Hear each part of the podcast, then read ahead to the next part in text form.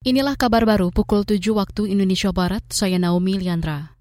Kementerian Pemberdayaan Perempuan dan Perlindungan Anak Kemen PPPA mendorong upaya pencegahan perundungan dan kekerasan pada anak oleh dinas-dinas di daerah.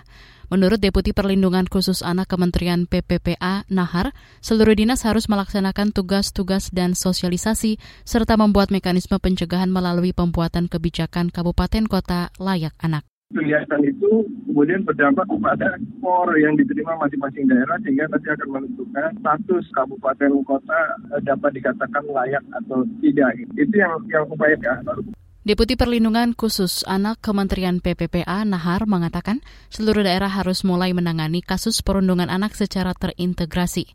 Catatan Komisi Perlindungan Anak Indonesia KPAI, perundungan menjadi salah satu aduan yang banyak masuk ke lembaganya.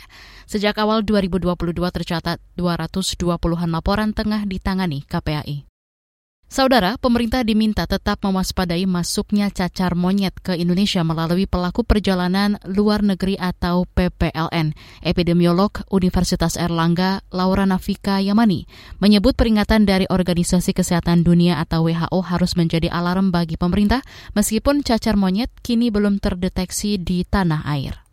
Karena kita tahu mobilitas orang sekarang ini kan mudah ya, jadi orang bisa berpindah dari satu negara ke negara yang lain ya. Jadi yang dikhawatirkan adalah ya tadi jadi orang membawa virus cacar monyet ini masuk ke Indonesia.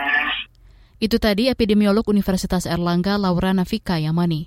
Akhir pekan lalu, Organisasi Kesehatan Dunia atau WHO menyatakan penyebaran global cacar monyet sebagai kedaruratan kesehatan masyarakat yang menjadi perhatian internasional karena telah menyebar di 72 negara. Status tersebut hanya satu tingkat di bawah status pandemi yang ditetapkan untuk COVID-19.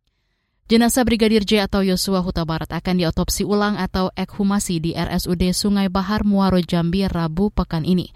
Kemarin Kapolda Jambi A. Rahmat Wibowo meninjau langsung persiapan otopsi ulang.